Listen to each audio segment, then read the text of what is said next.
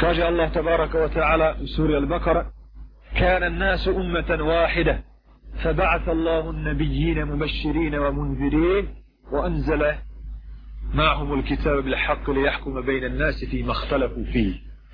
نون سبيل يدا نارد فيا الله تصلى وبصنيك دران سيرد سنفيست يبزراب يو يبليو ام كنيج سيستنام دا po njima sude među ljudima u onome oko čega se ljudi oko čega se ljudi spore. Ovdje Allah tebara kao ta'ala naglašava da ljudi prije objave su jedan narod, ne ima njih razlika. Međutim, kada im dođu poslanici koji ih pozivaju, koji ih upozoravaju, koji im donose radosne vijesti, o sreći ako budu slijedili i pokoravali se Allahu tabaraka wa ta'ala, tad dolazi do razlata među njima. Fe iza hum feriqani jahtasimun. Kad odjednom oni dvije skupine koje se između sebe raspravljaju. Jedna slijedi, druga ne slijedi.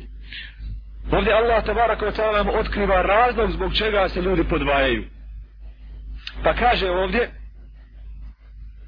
وأنزل معهم الكتاب ليحكم بين الناس فيما اختلفوا فيه i objavio je knjigu sa istinom po kojoj će suditi među njima. Razlog podjele je to što poslanik poziva da se sudi po Allahovom zakonu. Zato koja god dava, koja god dava ne traži da se Allahu samo pokorava i da se po njegovom zakonu ne sudi, može se tolerisati. Pa Resula sallallahu alaihi wa sallam tri godine Kurejš u Mekki nije progonio. Čak su više mučili i bili su oprezni prema takozvanim hanefijinima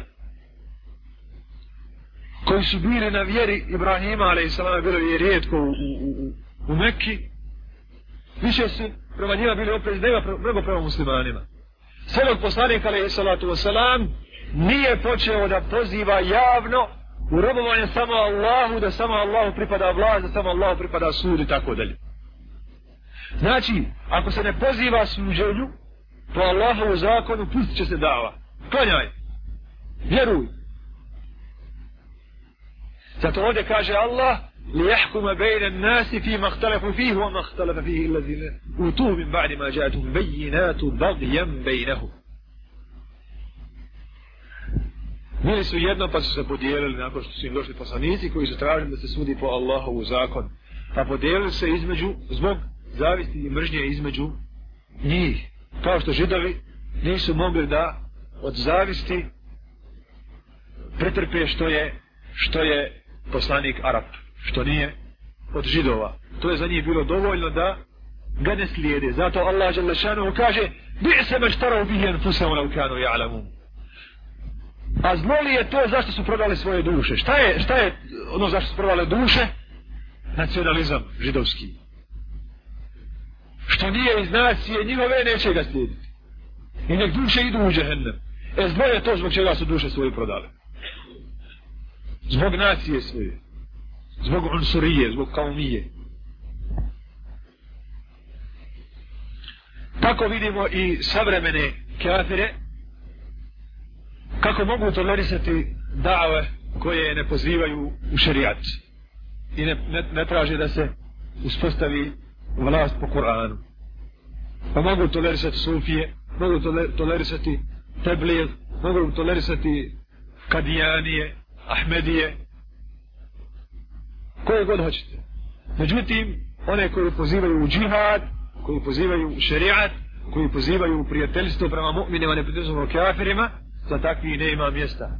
Svato što je pri njima ova osobina zbog koje se narodi odupiru poslaniku.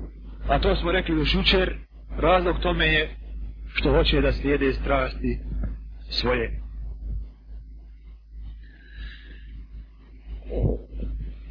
Nije bilo poslanika, a da nije bio zlostavljan radi Allaha Đalešanu da nije bio zlostavljan na Allahovu Đalešanovu putu. Jer to je Allahov sunnet, to je njegov zakon kod njegovih robova koji mu robuju po tevhidu.